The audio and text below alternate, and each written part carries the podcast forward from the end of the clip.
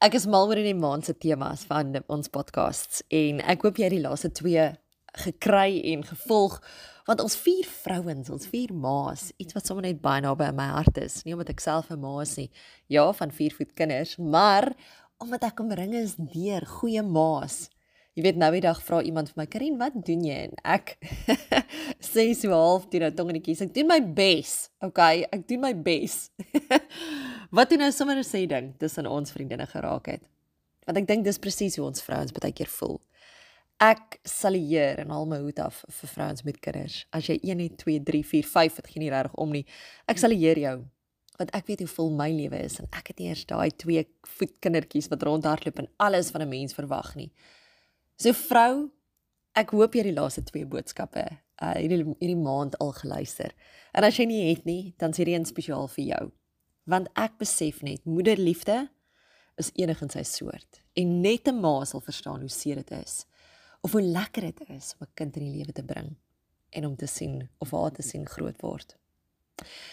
Vandag se tema gaan alles oor om iets op te gee en ek hak vas by van die vrouens in die Bybel wat vir my uitstaan.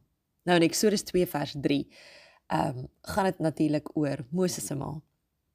En dit lees dat sy lange nie hom kon wegsteek nie. Daarom het sy vir hom 'n bisie mandjie gekry en dit met klein pik dig toegemaak en sy die seentjie daarin neergelê en dit in hierdie aan die kant van die Nyl gesit.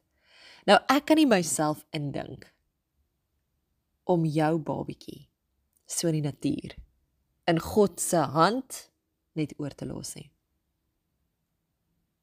Sjoe. Ek wil hê dit moet so vir 'n oomblik insink want ons lees baie keer hierdie Bybelverhale as wat net stories is, maar dis alles wat rarig rarig gebeur het. En wanneer ek sê moederliefde is is enigsins 'n soort, weet dan praat ek met daai ma's wat dit sal verstaan wanneer hulle al iets moes opgegee het, hulle kinders moes opgegee het gesê, Here, hier is hy of sy. Vat beheer van lewens.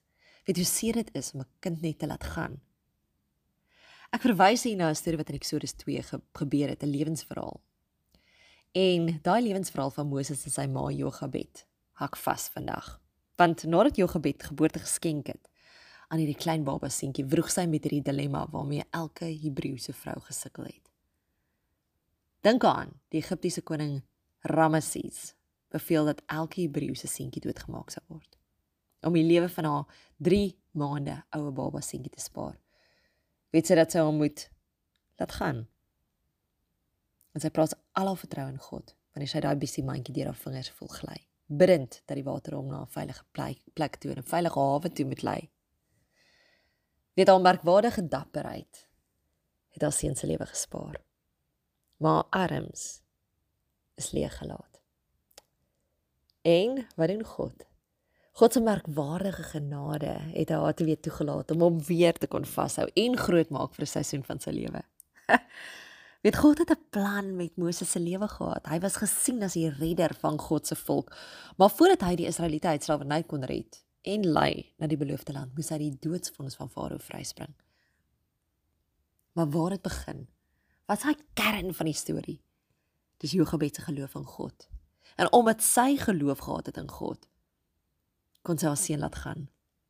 Sy het die moed getoon om iets so kosbaar te verloor. Haar arms leeg te hê wat terselfdertyd het sy haar wil oorgegee en gesien hoe God intree om haar seun te gebruik vir 'n groter doel.